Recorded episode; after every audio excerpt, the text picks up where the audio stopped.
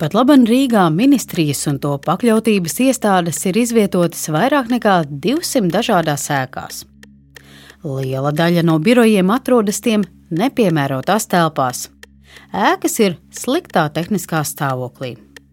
Kabinets ir ciets ziemā, jā, tad jūs tur varat dažādi uzturēt to siltumu, bet nu, šīs te vietas, šie te logi, ja nesiltinātie šeit, viņi nāk, viss tas augstums.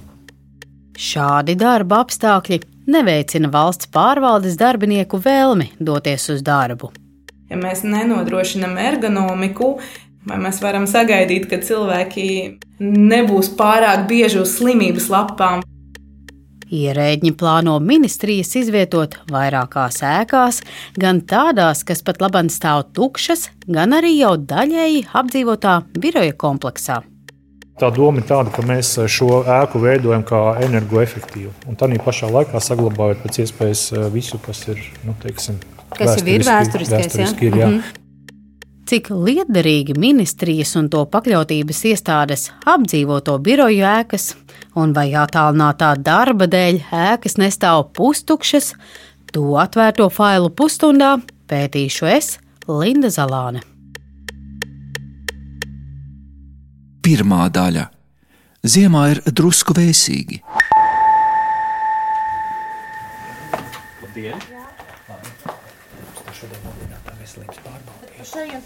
Nē, nē, nē, nē, nebūs, nebūs, nebūs. Kopā ar Zemkopības ministrijas administratīvā departamenta direktoru Rihārdu Kancēviču darba dienas rītā staigāju pa Zemkopības ministrijas sēku.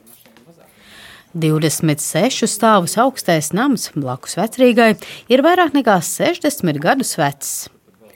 Ieejam arī aktu zālē. Šeit ir karsts, tā kā pirtī. Tur ir šī rīta saule. Jā, viņi nu, ceļās pa to. Senāk, un šeit jau nekas, nu, ja durvis šīs netaisa vaļā, taisīt viņas nu, svešajiem nebūtu tā, tā kā aizskatu mm. sanāk. Sūtīgais gaisa telpā aiz skatuves apstiprina to, kas atklājās pirms dažiem gadiem veiktajā tehniskajā apsekošanā. Zemkopības ministrijas ēkā ventilācijas un klimata sistēma ir novecojusi. Arī iekšējās inženierkomunikācijas, tā skaitā ūdens, kanalizācijas un elektroapgādes sistēmas ir nokalpojušas un ir sliktā tehniskā stāvoklī. Rihards Kancēvičs man stāsta, ka ministrija ēkai veica dažādus uzlabojumus. Piemēram, šobrīd vecos liftus maina pret jauniem. Lai kā mainītos šī ēka, liftu šaktes un ieguldījumi liftos paliks. Ceturtais stāvs.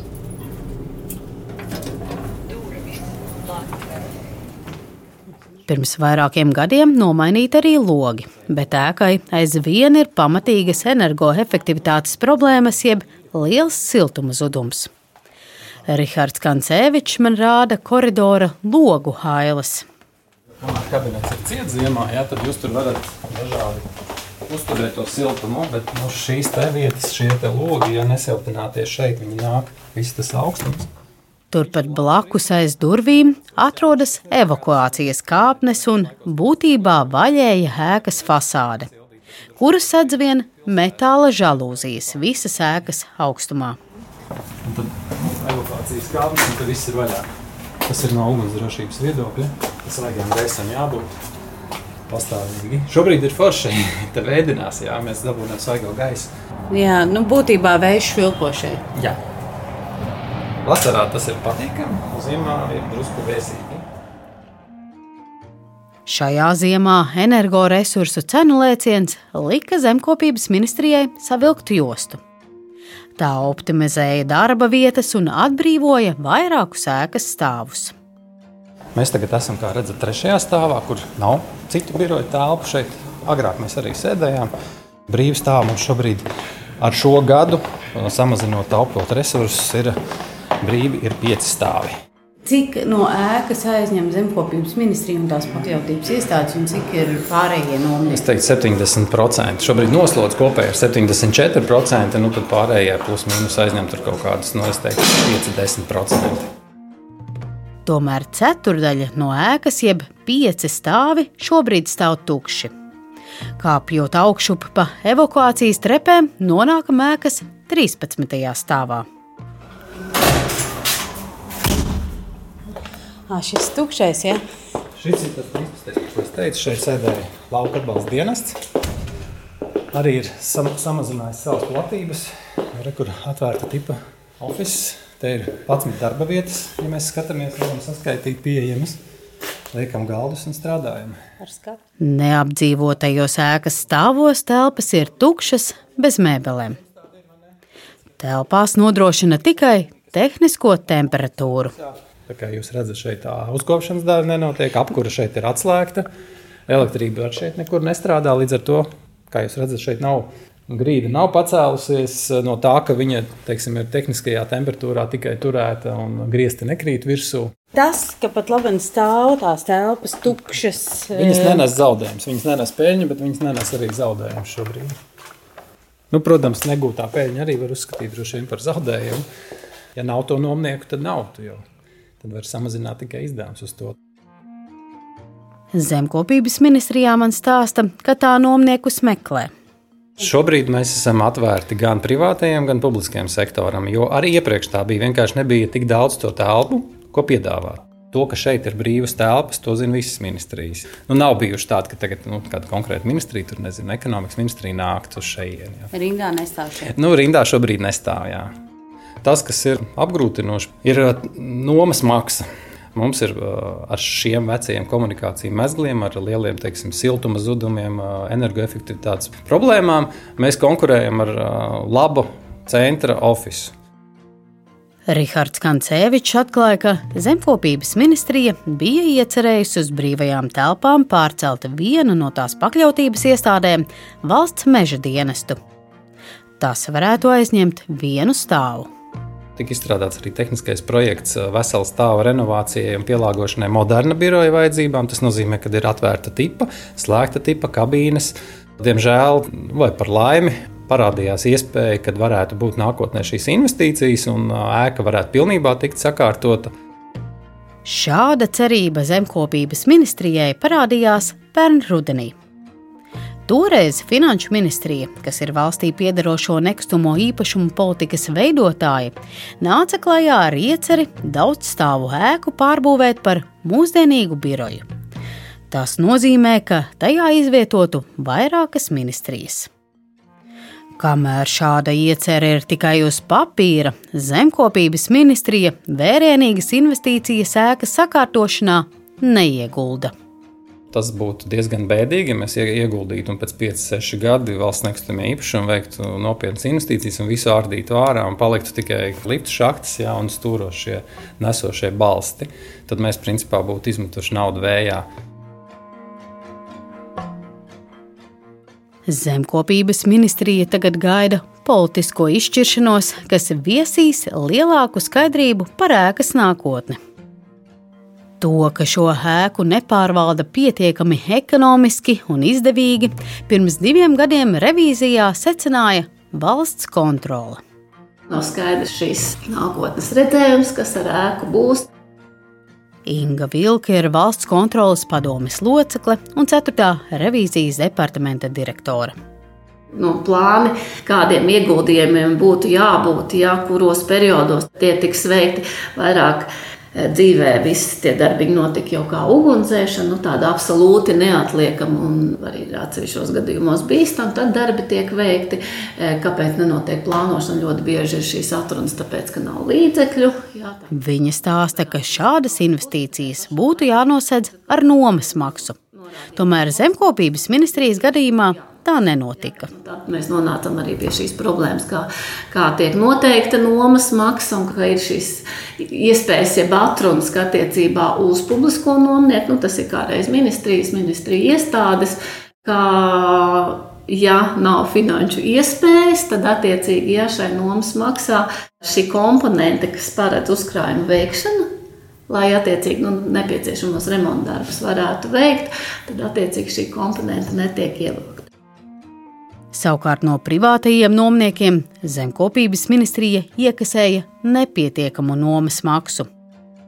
Kopumā no revīzijā sniegtajiem 15 ieteikumiem zemkopības ministrija ieviesusi 9. Tomēr, kamēr zemkopības ministrijas ēkas nākotne ar vienu ir neskaidra, ministrija vērienīgus ieguldījumus ēkas sakārtošanā neveic. Turpina Inga Vilka. Katrs šis neveiktais darbiņš, tas nozīmē lielāki ieguldījumi nākotnē. Bet vēl, protams, mums ir jārunā arī par to, ka šīs ēkas ir arī darba vide, jā, un attiecīgi to stāvoklis arī varētu teikt, arī vizuālais izskats, jā, tas ir arī būtisks motivācijas elements darbiniekiem. Arī citā pārbaudē, kurā revidenti vētīja finanšu ministriju, secinājumi nav glaimojoši. Ko mēs redzējām revīzijā? Ka politika šobrīd nav, nav šī nākotnes skatījuma, nav šīs vienotās pieejas. Pirms 17 gadiem valdība apstiprināja valsts nekustamo īpašumu vienotas pārvaldības un apsaimniekošanas koncepciju. Tas ir dokuments, kas pasaka, jāievieš viens modelis, kā apsaimniekot un pārvaldīt valstī piederošās ēkas. Tomēr koncepcija ir īstenota tikai daļēji, un valstī piederošos īpašumus joprojām apsaimnieko sadrumstaloti. Otrā daļa. Tur potenciāls ir milzīgs.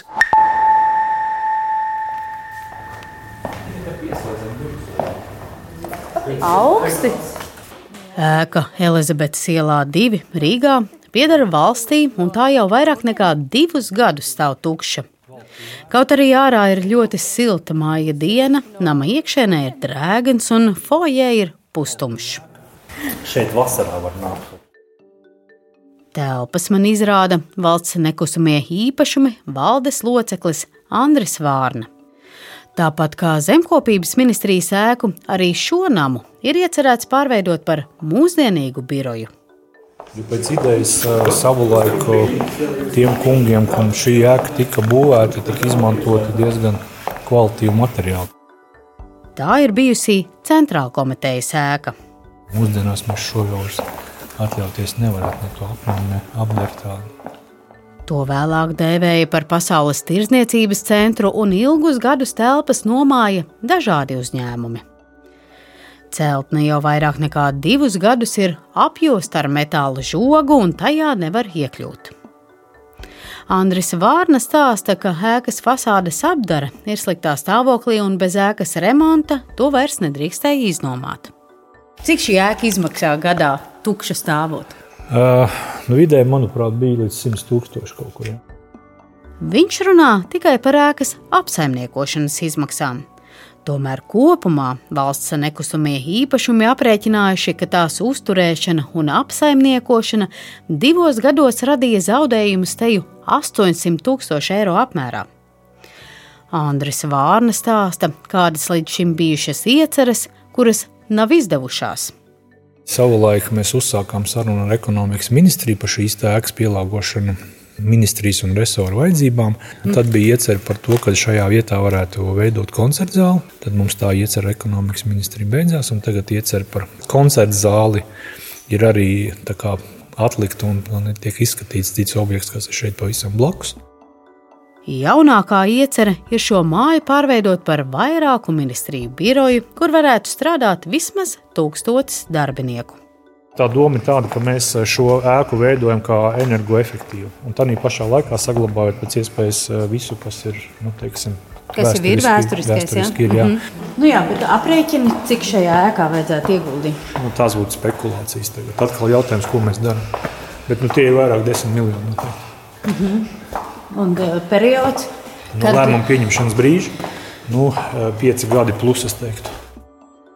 Konceptuālais ziņojums par to, kā ēka Elizabetes ielā divi varētu pārtapt par modernu biroju, valdībā varētu nonākt līdz šī gada beigām. Tādas pašas ieceres saistās ar netālu esošo ēku Kronvalda bulvārī 6. Bijusī jūrskola stāv tukša jau aptuveni desmit gadus. Un tad jau tas ir izšķiršanās par to, vai mēs to darām, vai mēs to atliekam. Jo atkal, ja mēs eh, pieņemam lēmumu šogad, mēs tos augļus dabūsim tikai pēc gadiem, eh, pieciem, septiņiem. Tas nav tā, ka mēs uzreiz prasām, ka mums vajag zinām naudas apjomu. Un, nu, papildus tam tur ir potenciāls arī pretī kaut ko saņemt, jo mēs runājam par tādu diezgan nopietnu efektivizāciju. Andris Vārna stāsta, ka līdz ar vairāku ministriju koncentrēšanu dažās lielās biroju ēkās, publiskā sektora telpu patēriņu varētu samazināt uz pusi. Bet nu, tāda prognoze vai vīzija Tie varētu būt vairāki miljoni eiro, ko šādā veidā jā, ir ieguldījumi no sākuma. Jūs man atkal liekat spekulēt. Es teiktu, ka jā, noteikti. Jo to, ko mēs skatījāmies, mēs piecu gadu laikā, ņemot vērā investīcijas un to, ka mēs samazinājām telpas, to, ka mēs dažus servisus tagad dalām ar valsts ieņēmumu dienas, no kuriem mēs atteicāmies, mēs ietaupījām miljonu. Ja, bet tas ir nu, samērā maziņš, mēs esam 250 cilvēki. Nu, tad, ja mēs paskatāmies, nu, tur, tur potenciāls noteikti milzīgs. Trešā daļa - varam arī dzīvot pieticīgāk.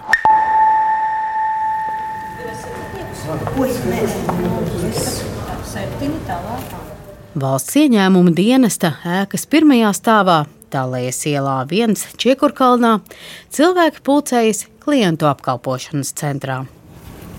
Paņemt numuriņu redz, ko ēku iestādes vajadzībām uzbūvēja pirms deviņiem gadiem. Pirms tam Rīgas iedzīvotājiem nācās meklēt vidu nodaļas 14 dažādās adresēs. Tā visa nākšana uz centrālo biroju sanāksmēm diezgan daudz neefektīvi pavadīts laiks. Laiku pirms vidi pārcēlās uz jauno biroja ēku atminas ieņēmuma dienesta ģenerāldirektora vietniece Indra Kārkliņa. Tas, ko kolēģi atceras no tā laika, ka viena vēstule divas vai trīs dienas parakstījās, kamēr viņa izgāja ārā pa valsts ieņēmuma dienesta lietvadību. Sākotnēji vidi aizņēma gandrīz visu Talēs ielas biroja ēku. Te bija atvēlētas darba vietas vairāk nekā 2000 cilvēku, bet šobrīd uz pusi mazāk. Sapratām to, ka mēs varam arī uh, dzīvot pieticīgāk un sašaurināties. Pēdējos gados ir, mēs esam samazinājuši par vairāk kā 5000 km2 platību. Mēs esam pārgājuši uz daļēji arī attālināto darbu, tātad šo hibrīdo darba modeli. Dienā vidēji uz darbu klātienē nāk ap 500 cilvēku. Indra Kārkliņa stāsta, ka attālinātais darbs dod iespēju nevien samazināt biroja platību, bet arī piesaistīt darbiniekus no reģioniem. Šobrīd mums ir uz trīs cilvēkiem viena darba vieta, Un, tas nākotnes modelis, uz ko mēs skatāmies, ir uz pieciem darbiniekiem viena darba vieta. Viņa stāsta, ka līdz ar attālināto darba modeli ir uzlabojusies arī darbinieku labsajūta. Kas nav mazsvarīgi, tad mazāk laika ceļā, produktīvāks darbs. Jā, mēs neesam centrā, bet pie šāda darba modeļa praktiski jau nav atšķirība, kur tas birojas dislocējas Rīgā. Vidēkas uzturēšanas izmaksas gadā sasniedz 6 miljonus eiro. Indra Kārkliņa atklāja, ka biroja optimizācija gadā deva vērā ņemamu ietaupījumu. Tie ir aptuveni 1,1 miljonus, ko mēs kopēji esam ietaupījuši. Tad tās ir gada izmaksas, un noteikti, tās optimizācijas iespējas mums visiem kopā valsts pārvaldē ir. Bet ļoti arī atkarīgs ir no tā, cik ministrijās ir tās valkošās lokomotīvas un līderi, kas saka, hei, ejam un, un, un daram. Arī centrālo vidu ēku Rīgā pārvalda valsts nekustamie īpašumi. Tas jau vairāk nekā gadu uzrunā jaunus nomniekus, vairākas valsts iestādes, lai tās pārceļas uz Talēs ielu, bet nesekmīgi. Es jautāju par to Andrim Vārnam, valdes loceklim no valsts nekustamie īpašumi. Dažādi iemesli, ko mēs dzirdam, ka kāpēc eh, tur nevar atrasties. Eh, viens no tiem ir eh, lokācija. Ir skaidrs, ka šīs pārmaiņas dažās iestādēs nāk ar zināmu piepūle no vadības puses. Bet konkrēti, kuras ministrijas uzrunāts ir, lai pārceltos uz Talēs ielu, un kuras tad ir pateikuši, ka nē? Nē, nu, mums arī turpinās sarunas ar veselības ministriju, mums, mums turpinās sarunas ar ekonomikas ministriju. Tā kā vietas tur būtu šīm, piemēram, divām ministrijām. Jā. Pat laban vidē ēkā 6% telpu ir neiznomātas. Vidi līdz gada beigām iecerējis vēl optimizēt biroju, līdz ar to brīvās platības pieckāršosies. Ja telpām neatradīsies nomnieki, tad valsts nekustamie īpašumi mēnesī nomas maksā zaudēs teju 190 tūkstoši eiro, bet gada griezumā šī summa būtu jau vairāk nekā 2 miljoni eiro. Viens potenciālais talēs ielas nomnieks ir ekonomikas ministrija. Tāpat labi ir izvietota vairāk nekā 120 gadus senā dzīvojamā ēkā. Lai gan tai ir atjaunota fasāde, tās tehniskais stāvoklis nav labs.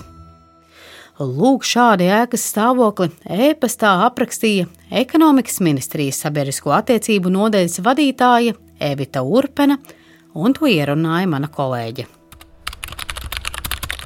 Inženiertehniskie cauruļvadi nav mainīti kopš pagājušā gadsimta 70. gadiem. Pamatiem nav veikta hidrolizācija. Lai arī katru gadu tiek ieguldīti līdzekļi ielāpveida remontdarbiem, avārijas situāciju rašanās bīstamība nav novērsta. Būtu nepieciešams komplekss risinājums gan elektrotīklu, gan inženiersistēmu pilnīgai nomaiņai. Ekonomikas ministrijas ēkas atjaunošana izmaksātu vairāk nekā 20 miljonus eiro, tā lēš valsts nekustamie īpašumi. Un tomēr, par spīti tam, ka ekonomikas ministrijas ēkā katru gadu notiek vairākas avārijas situācijas, tā pārcelšanos uz vidēku Čiekurkalnā man neapstiprina. Savukārt veselības ministrijā es noskaidroju, ka tā izvērtēja iespējas, tostarp finansiālo aspektu, atsevišķu tās iestāžu pilnīgai pārvietošanai uz Talējas ielas telpām. Ceturtā daļa. Šāda iespēja vienmēr pakausī jāpatur.